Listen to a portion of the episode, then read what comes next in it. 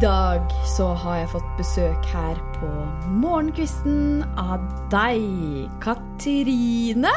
Hallo. Hallo! Har du lyst til å fortelle hvem du er? Ja, jeg heter Katrine Johanne Solberg, og jeg holder på med noe som heter Lev din sanne essens. Og jeg har flere års erfaring i helsesektoren. Eh, de siste årene har jeg jobbet innen ledelse der. Og nå skal jeg lansere mitt eget nettkurs. Wow. Og du er jo manifestor, sånn som meg. og det er mye jeg kjenner meg igjen i når det gjelder deg. Og eh, ofte, du er jo med i denne her Temple of Dreams Mastermind, og du er ofte nummer én til å si noe. Yes. Og du har så mye å komme med, så det er så gøy altså, å ha deg med i den gruppa. Så nå sitter vi her, og det som er så gøy, er at vi aner ikke hva vi skal snakke om. Nei. Vi tar det som det kommer. Ja. Se hva som kommer igjennom. ja. Og du er jo veldig åpen. Mm. Vil du fortelle litt om det? Eh, Jeg har jo en historie bak meg med en lang reise i Hva skal jeg si i mitt indre. Um, hvor jeg har levd et liv med mye lidelse og mye motgang. Eh, og det har på en måte også da tatt meg inn til dybden av meg selv for å på en måte finne ut av hvordan jeg skal håndtere disse tingene og kunne leve et godt liv, da. Um, og jeg kommer jo også fra en, eh, en bakgrunn med sterk tro. Um, og i min oppvekst så var det en veldig mm, indoktrinert måte å tro på. Og det har også preget, eh, preget meg i stor grad. Nydelig. Og så det her ordet lidelse. Mm. Det har jeg tenkt på noen ganger. For vi, det er jo mye lidelse, og jeg er jo veldig trukket mot buddhismen. Og, og dette her med lidelse, hvordan kan vi på en måte forvandle det til noe godt? For eh, du er jo opptatt av alkemi, blant annet. Ja. Så hvordan kan vi forvandle denne lidelsen, da? Som vi på ulike måter går gjennom, til noe som er gull. Ja, Det som virkelig eh, støttet min prosess, og også virkelig startet den, var jo å bli bevisst min egen bevissthet. Og det å kunne bli objektiv observatør av mitt subjektive selv. Så når jeg klarte å begynne å observere det som skjedde, og begynte å forstå mekanismene bak, programmeringene, mønstrene, basert på alle hendelsene, så kunne jeg også begynne å um, møte det på en annen måte. Um, for i mitt perspektiv så er det ikke Altså, det er ingenting som er eh, feil. Alt er bare læring. Og jeg ser ikke på min lidelse som Altså, jeg er ikke et offer i min egen lidelse. Jeg opplever at alt det jeg har erfart, det skulle være sånn. Oi. Og her er det et viktig perspektiv, sant? Fordi det er jo mange som går inn i denne offermentaliteten. Eh, og jeg tenker at det du da sier her, det kjenner jeg meg så godt igjen i. Fordi når vi da går gjennom lidelse, så kan vi også se det fra et sånt sjelsperspektiv. Mm. At det er en del av reisen vår. Mm. Og da blir også denne lidelsen eh, litt mindre, eller vi ser det på en annen måte. Vi ser det som noe vi kan ta med oss og faktisk forvandle til gull, som også gjør at vi kan gi til andre. For det hadde ikke vært det samme hvis ikke du hadde gått gjennom all den lidelsen. Du kunne ikke sitte her i dag da og lansert ditt første fantastiske program. Det handler jo om alt du har vært igjennom. Ja, og jeg er av den tro at vi trenger å erfare dualitetene i eksistensen for å også erfare hele eksistensen. Så på en måte når du ikke Hvis du ikke har vært i mørket, så forstår du heller ikke lyset, på en måte. Og lidelsen eller eh, smerten, da, er også noe som på en måte skaper den bredden av eh, erfaringen, rett og slett. Mm. Åh, vakkert, vakkert, vakkert. Og du har jo et fantastisk navn på ditt program som du lanserer nå i dag når vi sitter her på kontoret. Mm. Og jeg syns jo det er veldig gøy å jobbe med deg, eh, fordi du er manifestor. Eh, og eh, jeg kjenner meg igjen i ting. Eh, og det som er så spennende, er at eh, når en manifestor får beskjed, eller når noe kommer gjennom, og du kjenner en sånn kreativ urge på det, så er det riktig. Sant? Så det blir ikke det samme hvis jeg kommer med et forslag til deg, eller noen andre kommer med et forslag til deg. Da kan du kjenne at ja, men dette er jo ganske kult, ikke sant? Men du får ikke den samme kraften. Men dette navnet på det kurset, det kom gjennom. Vil du fortelle litt om det? For det er jo interessant for andre manifestere også å høre om denne prosessen. Kreativ urgen. Ja, altså Lev din sanne sens, det kom til meg i uh, meditasjon. Og det er jo basert på det at jeg opplever det som at vi i stor grad uh, lever i ubevissthet.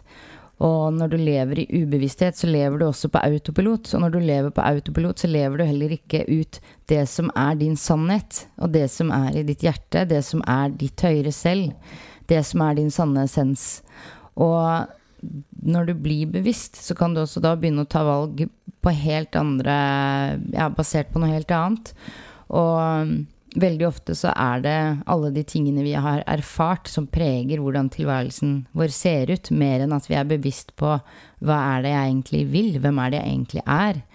Um, så ja. Mm. Og det her er så viktig, og jeg har lyst til å snakke mer om hva essens er. Men aller først så vil jeg bare spørre sånn, hvordan kjennes det ut i kroppen din når du har fått gjennom sånn, et sånt konsept?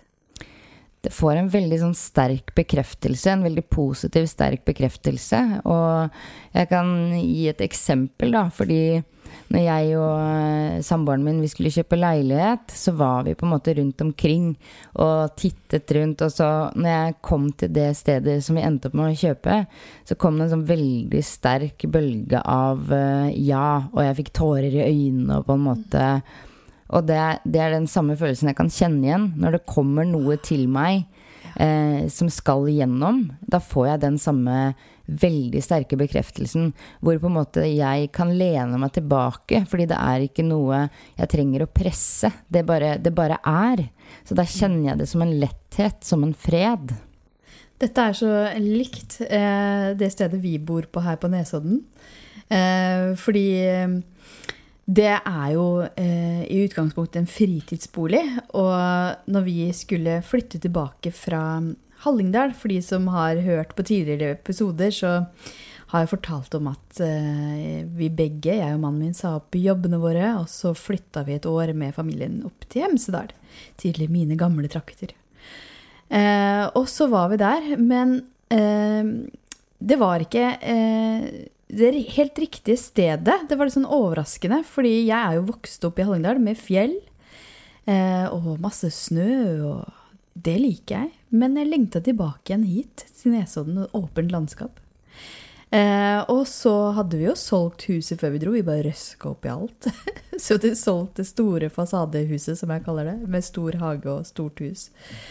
Eh, og så var det på en måte ikke noe aktuelle boliger å se på, så når vi kom til mai, så ante vi ikke hvor vi skulle bo. Vi visste at vi skulle tilbake til Nesodden, men vi visste ikke hvor vi skulle bo. Men så var det en annonse det var en gammel rønne der det sto at dette huset må rives. Eh, men eiendommen var jo så fin, så da fikk jeg faktisk med meg mannen min på å se det, selv om han sa at dette er jo ikke noe poeng å se på. og så kommer vi dit, til den fantastiske tomta, og det var så frodig, og det var noen nydelige furutrær der, og det derre gamle, fine huset med den utsikten. Og da var det akkurat akkurat det samme. Eh, jeg bare kjente en sånn ro, og så kjente jeg dette er hjemme. Og så satte jeg meg i sofaen og så så jeg utover den utsikten, og så bare Her bor jeg!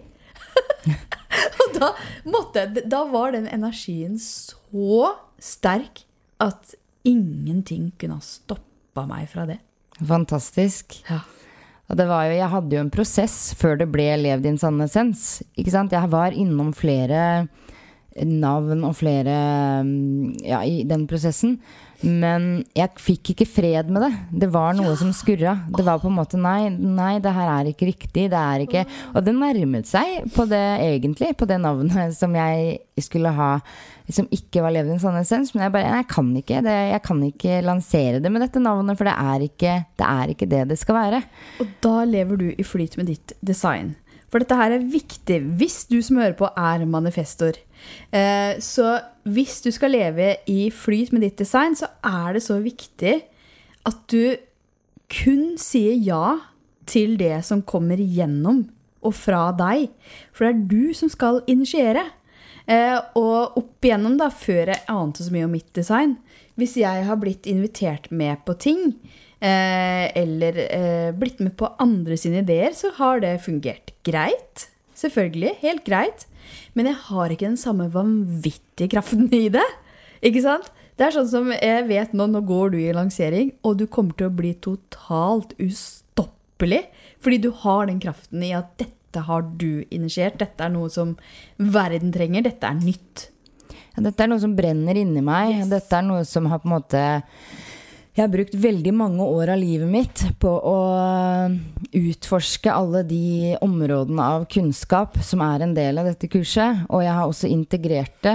Um, og nå brenner det inni meg for å på en måte kunne gi den frigjøringen til andre også.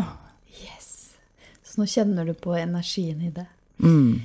Og så har jeg litt lyst til å, å høre med deg om hvordan du opplever essens men først så har jeg litt lyst til å fortelle litt om hvordan jeg sjøl, når du sa det ordet essens, så fikk jeg opp et sånt bilde av meg sjøl første gangen jeg holdt retreat på Skogeheim. På det landstedet mitt. Der har ikke du vært, men jeg vet at du kommer dit. Da skal vi kose oss i pysjen og ullsokker. Eh, men greia var at når jeg holdt mitt første retreat der, så fikk jeg en så utrolig sånn følelse av støtte av hjelpere. Eh, og jeg kjente meg altså, Det er akkurat som det er en sånn kjerne når du kommer innerst inn i deg sjøl. Når du kommer inn til sjelen din, så er det liksom åh, ja! Nå er jeg helt i kontakt med det jeg skal gjøre. Mm. Eh, og det er en sånn følelse av å være sånn for meg at jeg griner og ler. For det er så sterkt. Ja, altså du, du, kommer til et sted inni deg selv hvor du på en måte kjenner en resonans. Mm.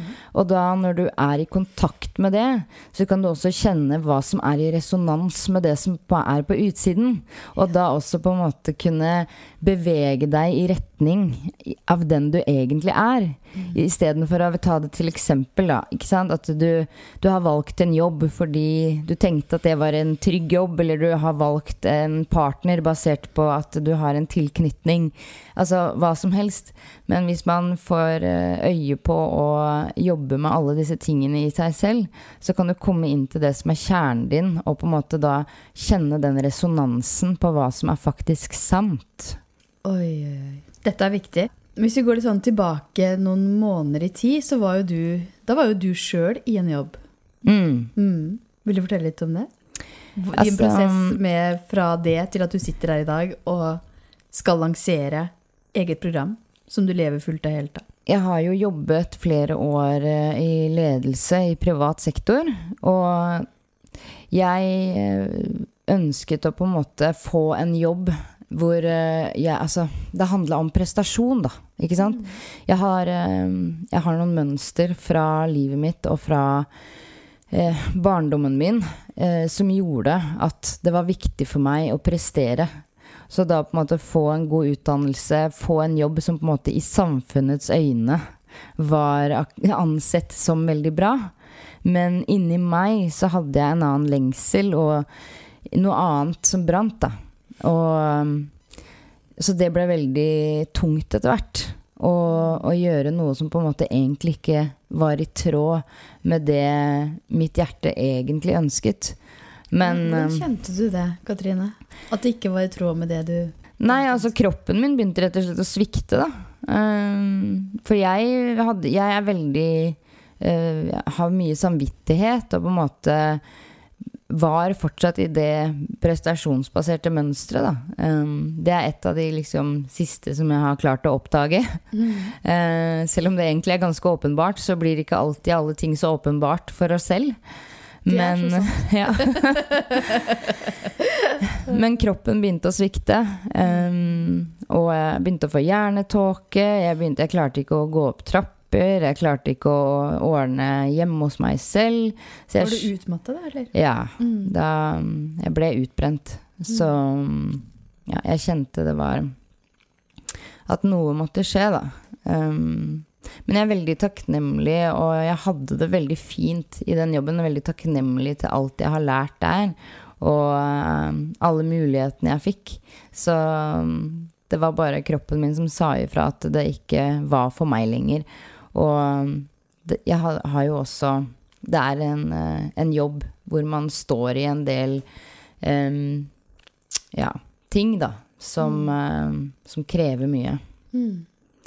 Men det er jo interessant det du sier. Eh, fordi det er jo mange som forteller meg at ja, men Maika, jeg har en fin jobb, jeg har så fine kollegaer, jeg får spennende oppgaver, så jeg tror jeg blir der i ti år til. Mm. Selv om det er noe annet som egentlig drar litt. Mm. At sjelen på en måte hvisker, da. Og etter hvert så hvisker ikke sjelen heller, eh, fordi da blir det mye sterkere. Mm. Men det du forteller, det er jo også min opplevelse. At eh, jeg hadde et fantastisk sted der jeg uh, hadde min jobb, uh, som var i Posten og Bring. Og jeg hadde så fine kollegaer og en fantastisk dyktig leder. Mm. Uh, og jeg kunne jo ha blitt der på grunn av det, for det var jo bra. men jeg tror jo at bra, det er for meg og for veldig mange andre, og for deg òg, ikke sant det, det, er liksom noe mer enn bra. Det mm. går an å leve et liv som er liksom ah, ekstraordinært, der du også har frihet, og der du kommer inn til den du egentlig er, og der du kan utføre din livsoppgave. Og der er vi jo forskjellige. For vi trenger jo alle og alle sine funksjoner i samfunnet. Eh, og jeg har jo bl.a.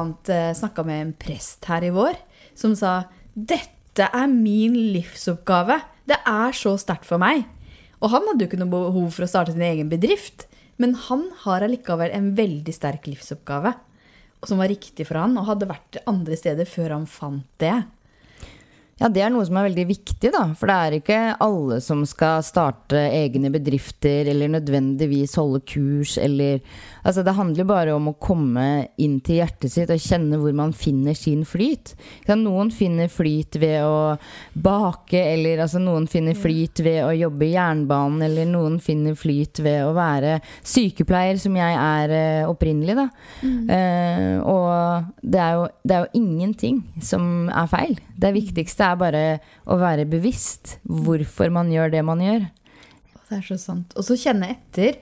Og når kroppen sier ifra, så er det jo feil. Da er det et eller annet med måten du lever på. Eh, og det kan også være helheten. For for meg så var det helheten. At, eh, og det er helt sånn fjern for meg å tenke på nå. At jeg tok båten inn til Oslo, og så tilbake igjen hver dag. Eh, og det tar jo til sammen tre timer tur-retur. Ja, ikke sant. Ja, og så skulle de også levere barn og hente barn og lage middag, og også trene veldig hardt, for jeg trente veldig, veldig hardt. Så, og det går jo ikke opp. Da smeller det. Ja, det, og det er det, det er det, som er litt i samfunnet nå, da. At det er så travelt. Og man får på en måte ikke den kvalitetstiden og den roen over ting. Så det er jo også noe jeg lengtet etter. Å liksom få muligheten til å ha mer i ro, da. At det ikke det, man på en måte må haste fra sted til sted hele tiden. Mm. Um, men det at jeg ønsker å gjøre dette her som jeg gjør nå, det er jo også en visjon jeg bærer i meg, hvor jeg ønsker en frigjøring. Fordi jeg vet selv hvordan det er å bære på traumer, hvordan det er å bære på ting, og ikke finne ut av hvordan jeg kan bli fri fra det.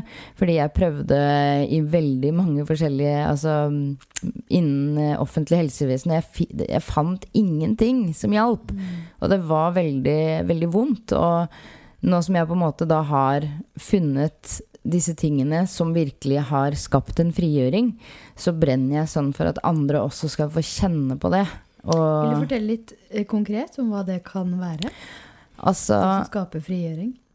Jeg kaller det å alkemisere, da. Ja. Fordi at det handler om å kunne Når du får det overblikket, så kan du også på en måte se det for det det er, og transformere det til noe annet. Og det handler også om stagnert energi i kroppen som blir lagret når vi opplever ting, og vi ikke kan bearbeide det der og da. Så lagrer det seg i kroppen, og da trenger vi også å få beveget den energien og få bearbeidet. Og det, det er også noe som skjer via breathwork eller bevegelse, forskjellige metoder innenfor det. Um, og når det kommer til tankene og følelsene, så handler det veldig mye om å avdekke, og det å forstå at du er ikke tankene og følelsene dine. Veldig mange tror at de er det. Eh, og identifiserer seg med alt som beveger seg eh, på innsiden. Og da på en måte ut ifra hva som beveger seg, så er du det, og da lider du med de tankene. Og hvis du da har veldig negative tankemønstre eller en, en sterk indre kritiker eller på en måte traumer som eh, vurderer da verdien din, så, så, går du i lidelse fordi du identifiserer deg med de historiene og de narrativene. Yes. Og her ser jeg også så forskjell på eh, hvordan da, ikke sant, de som står i heftige helseutfordringer, f.eks. At det er veldig stor forskjell på hvordan folk ser på det. Mm. Eh, for du kan si eh, 'jeg er syk', eller du kan si eh, 'jeg har en tilstand nå', f.eks. Eh, og det var noe som skjedde med meg når jeg Jeg har jo vært gjennom masse helsegreier. Og det er jo fordi at jeg ikke har levd i balanse. For eksempel så har jeg jo hatt masse krystallsyke over flere år. Eh, og det er jo en sånn voldsom svimmelhet. Det går ikke an å forklare egentlig hvordan det er. Eh, men da handler det jo også om å se på det som Ok, hvordan kan dette her vise meg vei? Dette her er noe som skjer for meg, og ikke mot meg. Og ikke identifisere meg da med denne krystallsyken, f.eks. For, for hvis jeg hadde identifisert meg med det, så hadde jeg jo i de tilfellene der det har skjedd, bare blitt liggende. Og ja, altså Det er så stor forskjell på hvordan jeg takla den første runden med krystallsyke, og de rundene som har vært liksom, som har kommet i etterkant, etter hvert som jeg er blitt mer bevisst. Mm. Og jeg syns det er så interessant, da, fordi kroppen forteller deg hele tida noe. Eh, den er et verktøy for sjelen. Og når du begynner å se det på den måten, så, så handler det om at ok, sånn som du sa i går Du sier så fantastiske ting. Du sa 'jeg finjusterer, jeg blir bedre'. Og det gjelder jo på alle, alle, områder, både når det gjelder helse, men også med businessutvikling og alt. ikke sant, at hvordan kan vi forvandle det? Hvordan kan vi se det i et annet perspektiv? Ja, og I den sammenhengen som jeg sa det, så handler det også om tankene. ikke sant? Mm. Og, og, hvordan man kan da ta en tanke og på en måte transformere den til noe annet. Og da må man også ta fullt ansvar for seg selv. ikke sant? Og akseptere at veldig mye av det du har inni deg, det er ikke sant. Så hvordan kan man gjøre det? For det her kan hende folk får litt sånn motstand på. Ja, altså det er jo først og fremst så handler det jo om å på en måte kunne se hvordan alt har eh, blitt en programmering. Fordi at vi har erfaringer fra vi er født, ikke sant. På skolen, i hjemmet, i samfunnet. Altså overalt er det programmeringer. Overalt er det hendelser som preger den vi er. Og når du erfarer disse tingene, så er det med på å skape identiteten din. Og når du ikke er bevisst på det, så beveger disse tingene seg på innsiden hos deg hele tiden. Og på en måte så kan du da velge å la det på en måte være sannheten og identifisere deg med det og lide pga. det. Eller så kan du begynne å få overblikk og forstå at alle disse tingene, det er, det er på en måte bare hendelser. Det definerer ikke den jeg er, og det definerer ikke det jeg kan skape i mitt liv, uansett hva det er. Og dette her er så viktig og spennende, og det handler om en bevisstgjøring. Eh, og at du f.eks. da, eh, hvis du har et mønster som går igjen med f.eks. barna dine, da. Eh, altså hvis det er ting jeg gjør, f.eks. Eh, eller sier, så kan jeg på en måte Oi, hva var det? Hvor kom det fra? For det kan jo være ting som jeg har blitt programmert inn av min mor, og som hun har fått fra sin mor, og som, som går langt tilbake igjen. Så da handler det om å Å, yes! Dette er noe som jeg har blitt programmert til. Men det er jo egentlig ikke meg. Eh, og eh, for meg så har det vært veldig, veldig nyttig det her med å skrive ned ting.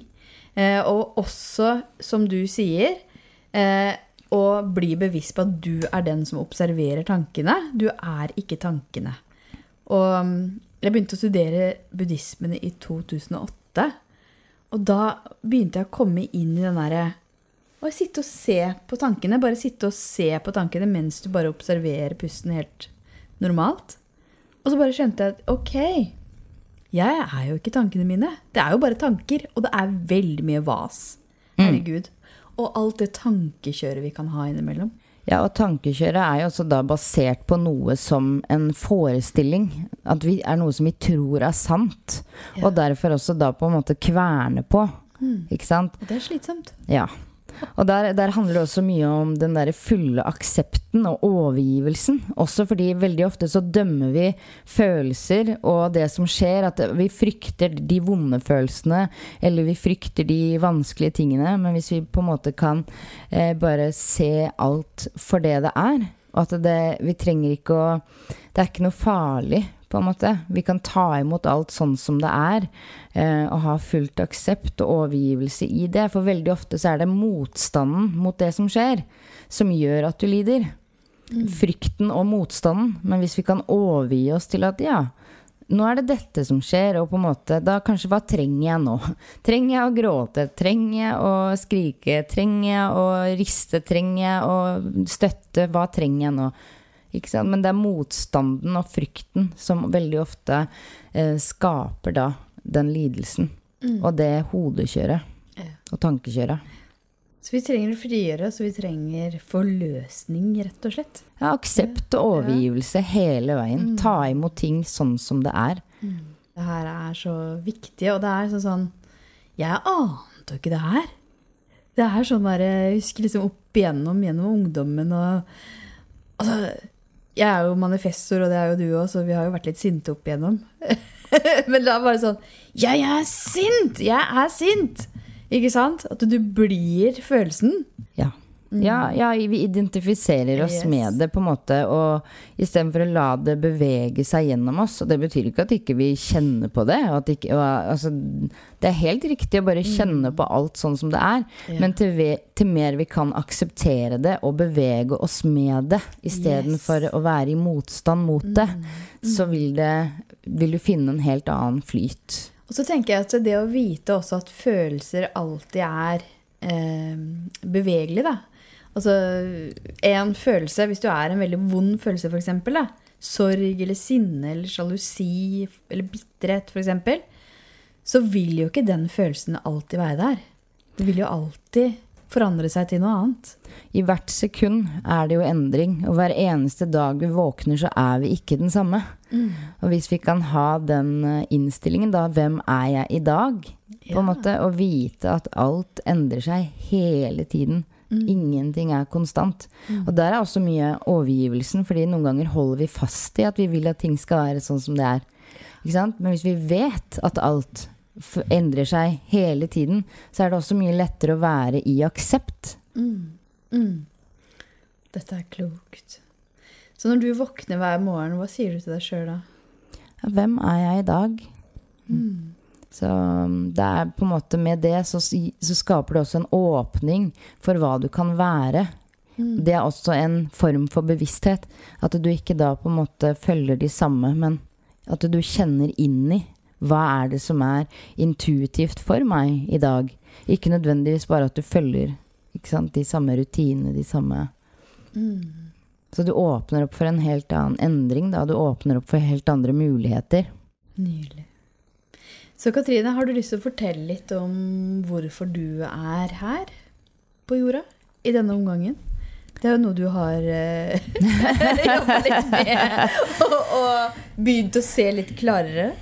Ja, og det er jo et vanskelig spørsmål, ikke sant? For det er jo Åh, det kan vi på en måte Men jeg kjenner jo på det at jeg har en uh, evne og en brann når det kommer til healing, og når det kommer til Altså, jeg, jeg, tror jeg har hatt denne reisen for å heale meg selv, sånn at jeg på en måte kan være med på å løfte bevisstheten og skape helbredelse hos andre også. Og det jeg gjør, det er å ta deg tilbake til din egen kraft, fordi alt du trenger, har du i deg selv. Så det handler bare om å våkne til den kraften og den evnen, og det, det opplever jeg kanskje er litt, litt min oppgave, i hvert fall nå. Det er å hjelpe mennesker, støtte de tilbake inn til sin egen kraft og inn til sitt eget hjerte. Sånn at de kan få erfare og leve livet i den flyten og i den kjærligheten. Og det er på en måte også å komme inn i den kjærligheten. Der er, det, der er det frihet. Der er det fred. Der er det liv. Mm. Og hva skjer da? I den overgivelsen så, så, på en måte kan du leve det livet som er sant for deg. Du kan finne din hensikt. Du kan på en måte ta imot eksistensen på en helt annen måte, med en helt annen fylde. Um, ja, du kan leve fra din sjel og virkelig kjenne på den, kjenne på mening. Mm. Kjenne på den, altså den, enorme gleden, da. Den Ja, at livet er så mye større enn det vi tror. Og i, i mitt perspektiv så er vi jo evig, mm. ikke sant? Og i den evigheten så er det også Så trenger det ikke å være frykt. Mm. Nydelig. Vet du hva, når jeg lukka øynene, så så jeg for meg deg i et fyrtårn. Der du satt i en sånn islender, altså sånn ullgenser, mm. og ute på en sånn øy. Og det, var, altså det er så mye ro i det bildet her, da. Så kanskje er det noe med det fyrtårnet også? Ja, det, det, kan hende. Det er absolutt. Um, og jeg er veldig ydmyk i min Altså, det er man vet jo absolutt ingenting. Det, det, er det man vet, at man vet ingenting. Mm. Man kan på en måte bare, man kan på en måte bare dele sitt perspektiv. Ja. Altså, jeg er ikke bombastisk på noe som helst. Det eneste jeg kan gjøre, er å dele min, min erfaring, mine perspektiver, slik som de er. Mm. Og, det vil, og de det resonnerer for, vil på en måte kunne da finne transformasjoner gjennom den prosessen. Ja, og jeg tenker at det, eh, det, du er inne på der, er så viktig. Fordi det er jo sånn gjennom det her med å starte egen bedrift som også er spirituell, at noen vil le av deg. Eh, og noen vil bare 'herregud, riste på hodet'. Ha-ha-herregud. Eh, og ikke skjønne noen ting av det du snakker om. men det er jo heller ikke poenget. Fordi hos noen så bare resonnerer det 100% Og når du snakker til meg nå, så bare kjenner jeg hele systemet mitt at det er godt å høre på deg. Og at det er bare så åh, vi snakker samme språk. Og da handler det om å bare fortsette å snakke om det du snakker om. For da vil du tiltrekke deg de riktige folka. Det er som jeg sa i går når vi var på Mastermind. Det, kanskje jeg har mista det, men kanskje jeg også har funnet det. jeg er ikke Altså det, Jeg tror det er viktig ja, å stille spørsmålstegn ved sine egne overbevisninger titt og ofte. Um, og også på en måte ikke ta det så alvorlig. For livet trenger ikke å være så alvorlig. Mm. Og det er litt sånn hva er det vi Det viktigste er hva, hva er det vi ønsker? Hva er det vi, er det vi har lyst til å gi inn i verden? Hva er det vi har lyst Hva slags verden, hva slags tilværelse har vi lyst til å skape? For oss selv og for andre. Ikke sant? Vi vil jo Jeg tror de fleste også bare ønsker å realisere. De ønsker kjærlighet. De ønsker et, en verden hvor vi kan være sammen, hvor vi kan løfte hverandre frem. Hvor vi på en måte kan føle oss oppriktig sett mm. og hørt og forstått. Mm. Um, og så selvfølgelig har vi jo alle et ego, ikke sant? Som, uh, som lever sitt liv. Og det, men til mer du blir bevisst på det, Um, til mer kan du også på en måte forstå hvilke mekanismer som driver deg også, og da leve mer fra hjertet. Mm. Og jeg er så enig i det du sier, at vi trenger ikke ta alt så alvorlig. Og det opplever jeg også med folk jeg snakker med, at de tar det å utvikle en bedrift så alvorlig. Men det kan jo være lekende lett, du! det kan være kjempegøy. Du kan fylles opp av barnlig glede. Og det kan faktisk flyte, det kan strømme mot deg. Eh, og når du ser det i et sånt sjelsperspektiv, at alt du erfarer her, er egentlig bare læring, det er bare utvikling som sjel, eh, så vil det også være mye lettere alt du egentlig møter, da. I hvert fall så er det min erfaring. Ja, altså det, da kan du ta imot ting på en annen måte, da. Og selvfølgelig så er det jo Det er jo veldig lett å sitte og si disse tingene, ikke sant. Fordi det er jo ulike grad av lidelse som folk erfarer. Yes. Og det har jeg veldig liksom, ydmykhet og respekt for. At jeg, jeg, kan bare snakke fra mitt eget perspektiv. Og, mm, men, men, det har i hvert fall vært veldig, eh, veldig til hjelp å kunne legge fra seg den offerrollen og på en mm. måte ta radikalt ansvar for eget liv. Fordi det er uansett hva slags situasjon du er i, så er det kun fra det stedet du kan være medskapende, altså være den som skaper. Eh, for når du er i offer, så er det på en måte de overbevisningene du har om situasjonen din, som også fortsetter å skape tilværelsen din. Mm. Så til mer ansvar vi kan ta for oss selv, til eh, lettere blir det å skape også det livet vi ønsker oss. Ja, og det her gjelder jo i alle sammenhenger. Sant? Det gjelder i livet, i relasjoner, i helseperspektiver. Det gjelder når vi skal skape vår egen bedrift. Ikke sant? Hva hvordan er det du ser på det? Ikke sant? Hvordan er det liksom du møter deg sjøl? Er du i den her offermentaliteten? 'Å, jeg får det ikke til', og 'Nei, det er ingen som kommer til å kjøpe av meg'. Mm. Det er jo også en sånn eh, mentalitet som vi også kan løsrive oss fra. Og da blir jo alt så mye gøyere.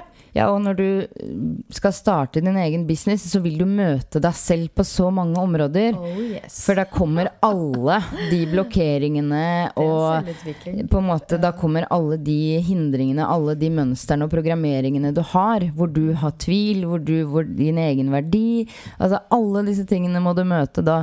Så jeg forstår jo hvordan det kan lett bli en sånn alvorlig affære, fordi du på en måte du, må, du må møte deg selv i, på så mange måter. Mm. Men hvis man da på en måte kan også ha litt sånn Altså sånn Ja ja, det er også en del av meg, på en måte. At det er ikke så De tingene som kanskje er litt eh, kjipe eller litt vonde eller litt flaue eller litt sånn At det også Det er ikke så farlig, på en måte. Det er Vi alle bærer med oss forskjellige ting. Mm. Og til mer vi også da kan se på de skyggene og på en måte som det de er, og ikke, ikke frykte de, da, mm. så er det lettere også å finne den aksepten. At, uh, fordi vi vil så gjerne på en måte være gode, være flinke, at alle deler av oss skal være på en måte noe godt eller noe positivt. Men hvis vi også kan omfavne at det er deler av oss som er litt sånn teite og dumme og flaue eller mørke eller egoistiske eller mm. Ikke sant? til mer vi kan gi det aksept, um, og ikke frykte det, og ikke dømme det. Ja, og det her er så klokt sagt, for det er jo noe med å møte det med, med kjærlighet, da. Det som dukker opp, og de tankene som dukker opp. Og jeg har jo gjennom denne businessreisen også sett at jeg har hatt en sånn tendens til å gå inn i svart-hvitt-tenkning. Ja. sånn Yes! Nå bare går det så det suser! Og så kan jeg liksom neste dag bare Nei, vet du hva, det er bare ikke sant? Det har vært liksom litt sånn mitt mønster, da. Altså ja. sånn svart-hvitt. Eh, og så er det noe med å bli bevisst på det, eh, og møte meg sjøl i det òg. Og hvor kommer det fra? Det kommer jo sikkert fra et eller annet sted. Mm. Så vi har alle våre ting, og så tenker jeg også etter hvert som Og nå hopper jo du ut i det her og, og lever fullt og helt av din egen bedrift. Og det vil jo være nye lag som du møter i deg sjøl. Eh, og så kan det være perioder som er litt sånn Å, nå møter jeg det, og så møter jeg det, og så møter jeg det i meg sjøl. Og så bare innser du at dette er jo egentlig ikke meg. Men det er bare noe jeg må jobbe med. Noe som gjør at jeg blir enda mer meg. Enda mer den kraftfulle versjonen. Og det er jo sånn du også jobber med disse folka som du skal hjelpe nå. Ja. Mm. Så det, det, er jo det å komme inn til vi, vi, er, vi, går gjennom en prosess som er på tolv uker, hvor man på en måte går inn i bevissthet mm. og inn i seg selv, inn og ser på alle blokkeringer, programmeringer i mønstre. Eh, og hvor vi også da Så det er en lang prosess eh, der. Og så går vi inn i på en måte andre ting, som f.eks. human design og gene mm. keys og verdier, og på en måte hvem er det du egentlig er, og hva er det som er Hva er ditt geni? Hva er det som på en måte du kan bruke i ditt liv for å skape det livet du ønsker deg? Og før vi på en måte kommer til bunns i i hva som er våre verdier og vårt, vårt hvorfor. Da. Um, og hva vi virkelig ønsker oss i livet, hvis vi liksom virkelig kjenner etter og tør å si sannheten om det. Um, så er det Ja, da er det ikke så lett, på en måte, før mm. vi gjør det. Så det er å skrella og skrella, og der syns jeg også Human Design har vært et veldig sånn interessant verktøy. da. F.eks. ved å se på energisentrene og uh, for deg som hører på, det er jo ni energisentre i Human Design. Og noen av de er av disse energisentrene er åpne, noen er udefinerte, noen er definerte. Og i de som er åpne og udefinerte, så kan vi også ha en del kondisjonert atferd. Der vi har blitt påvirka, sånn som vi snakka om i stad. Blitt påvirka av foreldre, lærere, partnere, venner. Til å ha en eller annen overbevisning og en eller annen atferd som vi tror at vi må utføre, men så er ikke det egentlig oss. Så det å bli bevisste og også gi slipp på det gjennom energiarbeid, som både du og jeg er så opptatt av, mm. og så velge en ny atferd og begynne å øve på den nye atferden. Ja. Eh, og gjøre den 200 ganger, eller minst 200 ganger, for at den skal på en måte bli eh, det nye deg. Den nye atferden som du har innenfor akkurat det feltet. Altså det er en daglig praksis med å på en måte være bevisst, og det å observere seg selv. Og, det, og i programmet mitt, altså i kurset mitt, så er det også mye energiarbeid. Mm. Og det er på en måte et såpass bredt tema, så det er på en måte litt vanskelig å komme inn på nå. Mm. Men det handler jo om hvordan vi bruker eh, energiene i kroppen og på en måte beveger oss med det. For vi er jo, vi er jo energi som mm. mennesker. Eh, og alle følelsene vi har, vibrerer på ulik frekvens. Og vi på en måte Vi kan eh, alkemisere egentlig alt som er eh, inni oss, mm. til noe annet. Men det er jo ikke Jeg hadde i hvert fall ikke de verktøyene før jeg fikk lære de av noen mm. andre. Og, og, på en måte gikk gjennom prosessen med hvordan dette fungerte. Um, så det er noe jeg tenker kan være um, veldig til støtte i en sånn prosess. Mm. Og energiarbeid er jo veldig stort, og det er jo faktisk folk som lurer på hva det egentlig er. Og jeg visste jo heller ikke hva det var før jeg begynte med tai chi og qigong for fem år siden. Og det er jo på en måte én vei å gå, men så fins jo mange andre veier. Eh, og du har jobba en del med pust, blant annet. Mm. Så jeg tenker at det, her handler det også om å finne det hver enkelt blir dratt mot da, når det gjelder energiarbeid. Fordi der er vi også forskjellige.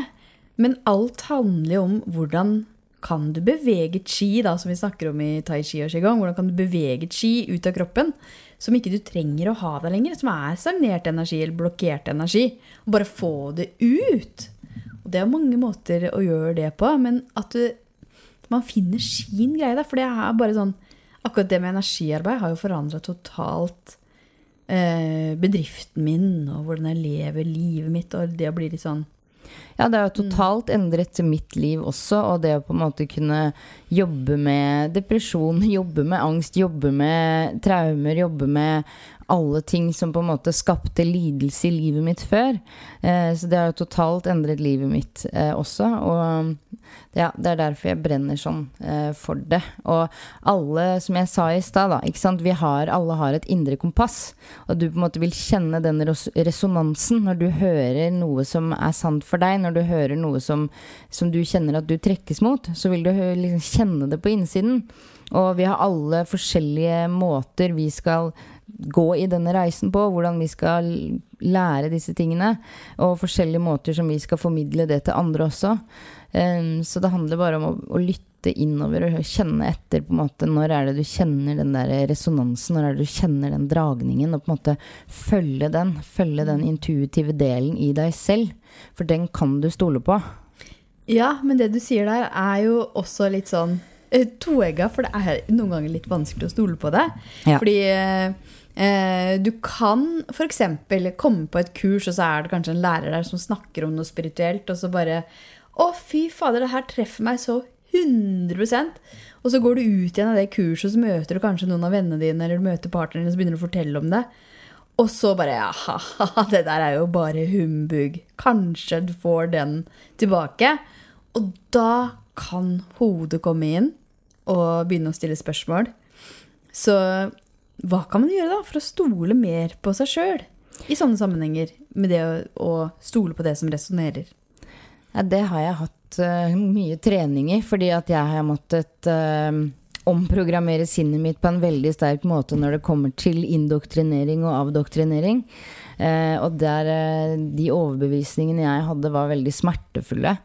Um, og det, det, er en prosess, altså. Å, å, finne den tilliten til det, på en måte, det du kjenner er sant i, mm. inni deg. Det du kjenner er sant i ditt hjerte når du hører det. Um, så det er på en måte det, det, handler til syvende og sist om om å, stole på det. Om å kjenne inn i. Og der er det Kjærligheten for meg er et sånt kompass, altså. Ikke sant? For til syvende og sist så på en måte er det Hva er, det, hva er fruktene av det? Ikke mm. sant? Hva er fruktene av det i livet mitt, og hva er fruktene av det for meg? Mm. Du Katrine, du har jo en veldig sterk historie. Har du lyst til å fortelle litt mer om denne eh, indoktrinering og avdoktrineringa? Fordi det er jo veldig spesielt, det du har vært igjennom. Ja, og det er jo sikkert ikke så unikt heller. Det er jo antageligvis mange med meg. Men eh, jeg har jo vokst opp i eh, pinsemenigheten. Og uh, er fortsatt veldig glad i, i, dem og i det. Men det er en del av den undervisningen man får, da, som jeg opplever ikke er, er riktig. Eh, hvor det på en måte er en så sterk religiøsitet. Og veldig mye hvor det går på systemet, kall det straff og belønning. Mm. Eh, og hvor det på en måte aldri helt veit om du er innafor, om du er god nok for Gud, bas altså basert på den religiøse fremstillingen av Gud. Um, så det tok jeg var jo misjonær, jeg var jo predikant, jeg var jo veldig sterk troende. Og det er jeg fortsatt. Jeg er veldig sterk troende fortsatt. Jeg tror fortsatt på Jesus, jeg tror fortsatt på Gud. Men jeg har fått erfare at han er en helt annen enn den religionen har sagt han å være. Og det opplever jeg at jeg har sett også gjennom tekstene. Um, så det ja, det, det, er en veldig lang historie. Men hvor var vendepunktet ditt? Altså, for det er jo det som er litt interessant. Altså, ja. eh, egentlig i alle sammenhenger, da, at man har noen overbevisninger. Mm. Eh, og hvordan kan man da eh, forvandle det til å bli mer seg sjøl? Eh, fordi det her fant jo da etter hvert ut at ikke resonnerte i deg. Og så klarte du å snu det til noe annet. Og hva skjedde da? Nå, altså Vendepunktet var jo på en måte at jeg fikk se noe i teksten, da, altså i Bibelen, som på en måte viste meg at det ikke handla om prestasjoner, og det ikke handlet om um, hva du kunne gjøre for Gud. på en måte. Jeg tror jo det at da Gud kom egentlig for å avskaffe religion. Eh, så Og det, det, her er veldig kontroversielt, og det er sikkert mange hisser på meg mange mennesker med den overbevisningen jeg har vedrørende det. Mm. Men eh, jeg tror jo at Jesus kom for å på en måte vise Guds sanne natur. Vise hvem Gud egentlig var, den ubetingede kjærligheten. Og da har det på en måte Bibelen blitt skrevet av religiøse menn med religiøse tolkninger. Og um, når de skrev den, så skrev de også med eh, det perspektivet fra, gamle, fra, Det gamle testamentet. Eh, og derfor så Jeg tror jo at det hadde liksom kommet en løgn hos menneskene om hvem Gud var, som også gjorde at vi hadde en avstand mellom oss og Gud. Fordi vi trodde vi måtte prestere, eller ofre. Eh, så Jesus han prøvde å vise Guds sanne natur eh, med sin ubetingede kjærlighet. Og men vi trengte et synlig offer. Jeg tror ikke Gud trengte noe offer. Jeg tror ikke Gud trengte at han døde um, for uh, vår synd. Men jeg tror han trengte å dø for at vi skulle se at det ikke var noe mer å ofre. Mm, Så vi kunne bli fri i våre sinn fra den tanken. Um, men dette er som sagt uh, kontroversielt, da. Og um, veldig Det høres veldig sant ut når du snakker nå. Ja, det ble vendepunktet for meg å se at at det på en måte Du er fri, da. Ikke sant? Mm. Det handler bare om kjærlighet. Det har det alltid gjort. Og det er, som, det er, mye om eksistensen og Gud og Jesus og hele og, og, Som jeg ikke forstår. Og som jeg eh, på en måte ikke Altså, jeg har masse tvil, og jeg har masse tro, på en måte. Eh, ingen, jeg mm. mener ikke at jeg har funnet den eneste sannheten. Eh, men dette er min sannhet. Dette er det jeg opplever å ha sett gjennom boka. Og um, ja, det, det, det er eh, Det er jo interessant at du er, du er veldig ydmyk når du snakker. At du sier jo at 'nei, jeg sitter ikke på sannheten'. Og tidligere så har du jo predikert ja. noe der du har forsøkt å eh, få andre til å omvende seg, da. Ja. Så det er ganske store kontraster. Ja. ja. Jeg var jo fullt og helt overbevist om at man på en måte Det var viktig å bli frelst. Mm. eh, og, men frelsen for meg nå, det er å få bort den løgnen i våre sinn som forteller at uh, vi ikke er uh, At ikke alle tilhører Gud. Mm. Um, og nå er det sikkert ikke alle som tror på Gud, og det er, det er helt ok, på en måte. Men uh, jeg har i hvert fall kjent veldig dypt i min sjel at det er noe mer, at det er noe mm. større. Og for meg så er den kjærligheten jeg erfarer, det er Gud. Mm. Uh, og ja. Og så er det jo, eh, som du sier, ulikt. Eh, kall det Gud, eller kall det source, eller kall det universet. Det er mm. liksom litt den samme Antagelig så kjenner vi det samme. Mm. Eh, altså at det er en sånn utrolig sterk kraft der, da. Mm. Eh, som vi kan ha kontakt med. Eh, og så vil det være sånn ulikt.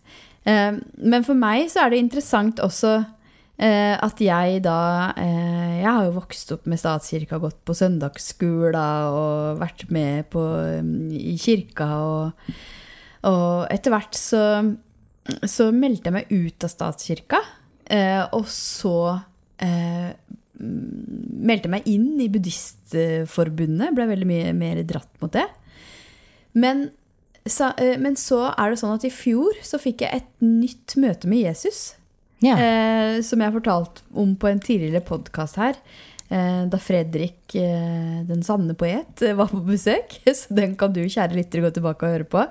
Men da fikk jeg et nytt eh, Jeg fikk et nytt møte med Jesus, så nå kjenner jeg også at eh, denne Jesus-energien er veldig veldig sterk. Og han er også en mester, samtidig som Buddha er en mester. Og det fins ulike mesterenergier, er min opplevelse. Så så der kan du jo koble deg på, da. Og det er så fascinerende at, eh, at det fins sånne energier som er så utrolig sterke, som vi kan lene oss inn i og bli holdt av, da. Ja, og det ja, og der er på en måte alles reise unik, da, og jeg har bare veldig respekt for det. Uansett hva folk eh, tror på. Og så er det liksom så er det veldig nært til mitt hjerte. Jesus er veldig nært til mitt hjerte, og på en måte Um, fordi jeg opplever også at han kom for å, vise Guds ubetingede kjærlighet, og på en måte ofret seg selv så ingenting skulle ofres mer. Og ikke fordi mm. at Gud trengte det, men fordi vi trengte det. Noe å se til. Eh, fordi den eh, løgnen om at en Gud, han straffer, og Gud, han ser liksom på synd, og altså den den eksisterte, og den, den skapte separasjon.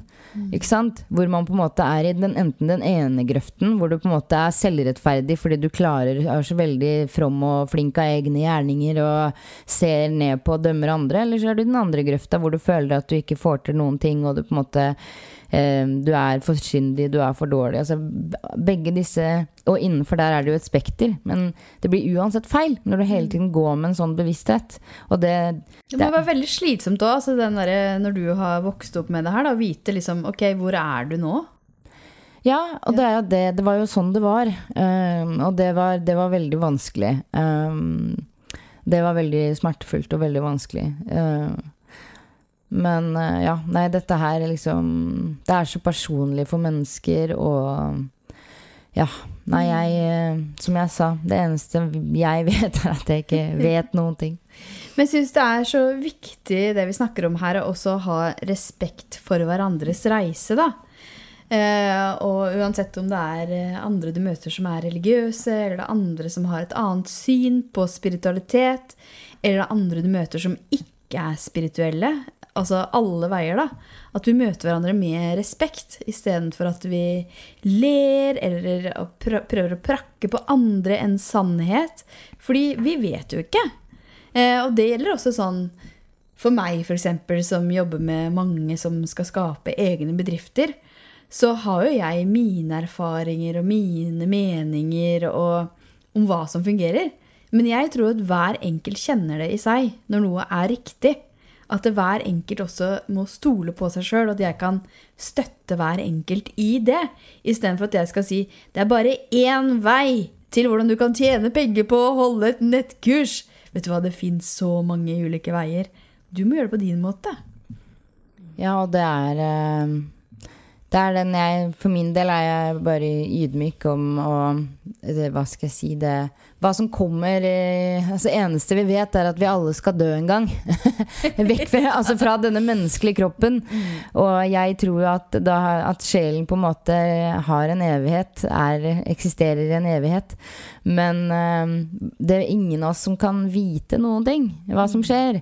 Så det eneste vi kan gjøre, er på en måte å leve i sannhet til den vi er, og på en måte ja, det er det eneste vi kan gjøre, og det jeg opplever er jo på en måte at religiøsitet det er noe som skaper mye smerte hos mennesker. Da. Det skaper mye vondt og, Og mye frykt. og mye frykt. Um, men det er, det er ikke noe feil å ha en tro. Det er ikke noe feil i å på en måte overgi seg til den troen heller, tenker jeg. Uh, Det er ikke noe på en måte så alle, der Man må bare fin, finne sin reise. Men jeg tror at det er viktig å på en måte bare vite at man er fri. Vite at det ikke handler om dine gjerninger eller hvordan du presterer eller ikke sant? Det, det fins jo selvfølgelig handlinger som er, skaper godt, og handlinger som skaper noe mindre godt. Ikke sant? Handlinger som ikke er gjort i kjærlighet. Det fins det mange av det. Og det eneste er jo bare at alle disse tingene får jo en konsekvens. Og den konsekvensen, den, den kjenner vi jo på. Men jeg tror aldri at konsekvensen av våre handlinger er noe straff. Mm. Altså fra Gud. Det tror ikke jeg. Nei, det tror ikke jeg heller. så det er veldig Det er så fascinerende å høre på deg. Og um, det her med død nå har for meg blitt en veldig sånn motivasjon. At uh, jeg vet faktisk ikke når min siste time har kommet her i dette livet. Derfor så vil jeg leve livet fullt ut òg, ikke vente f.eks. med det å gå for drømmer eller å skape det jeg egentlig vil. For du vet jo aldri. Og jeg snakker jo med flere som bare venter og venter og venter og venter. Men hva venter du på? Det er nå du lever. Ja, så vil det være Vi vil kjenne på frykt, fordi e- e- ego ønsker å holde oss i det som er kjent. Og med en gang vi da skal bryte ut og gjøre noe annet enn det som er kjent, så vil vi kjenne på en motstand, og mange ganger så kan vi tenke at den motstanden handler om at vi ikke skal gjøre noe, eller at Ja. nei, vi må bare holde oss her og Men den Mange ganger er det noen ganger frykten vi kjenner på, det, det er et godt tegn. Det er et godt tegn, og det er noe med å våge å gå i den retningen det frykten er. Fordi da skjer det utrolige ting. Da åpner det opp også for en helt ny verden, og det å leve mer i tråd med din essens. Og det er jo som jeg sier da på på, hva skal jeg si, på fruktene skal du kjenne treet. Så. Du har så utrolig gode sitater som er veldig, veldig visdom i Ja, det er bibelsk. Dine, dine, ja, men i dine taler. Det er jo så fascinerende også i den mastermind-gruppa hvordan du bare reiser deg opp og holder taler eh, som bare kommer sånn gjennom, og alle bare Wow! Er så godt å høre på deg. Og veldig dypt. Altså den kunnskapen og visdommen som kommer igjennom, da. Nei, det hva, hva skal jeg si? Det mm, i min, I min egen verden så er det jo på en måte bare tanker og følelser og ting som jeg deler fra mitt uh, indre. Um, og fordi jeg på en måte har tatt alt det jeg har lært over tid eh, At jeg på en måte tok troen min da så veldig seriøst, og så har jeg brukt veldig mange hundre timer og mange, hva skal jeg si, mye tid av livet mitt på å forske for å finne ut av det her. For jeg, liksom, jeg, jeg, ville så gjerne virkelig bare finne ut av det. Hva er det som egentlig er sant? Hva er det Hvordan skal jeg egentlig leve livet mitt, på en måte? Hva er det, hva er det som er meningen med det her? Hva er det som er meningen med eksistensen? Og det er ikke det at jeg er noe klok altså sånn, Det er ikke det at jeg veit svaret på det, men Men du forsker på det, du filosoferer, ja, du utforsker. Det er en evig reise, bare, som jeg, som er, som jeg er veldig interessert i, da. Som jeg jeg eh, er veldig opptatt av. Ja. Ok, Katrine. Vi skal runde av her nå og vandre videre ut i livet. Så hvor kan folk finne deg? Eh, på Instagram så heter jeg Sovereignwise. Eh, så om du søker på Katrine Johanne Solberg eller Sovereignwise, så finner du meg der. Og så kan du gå på levdinsanneessens.no hvis du er nysgjerrig på kurset mitt og hva det innebærer. Og også hvis du har lyst til å se en salgsside eh, som gir gåsehud, så vil jeg anbefale å klikke deg inn der. Der kan du se traileren på hva ja. Lev din sanne essens vil innebære. Ok, Katrine. Tusen takk for at du kom her i dag. Tusen takk for at jeg fikk komme. Takk for det. Fryd å være her.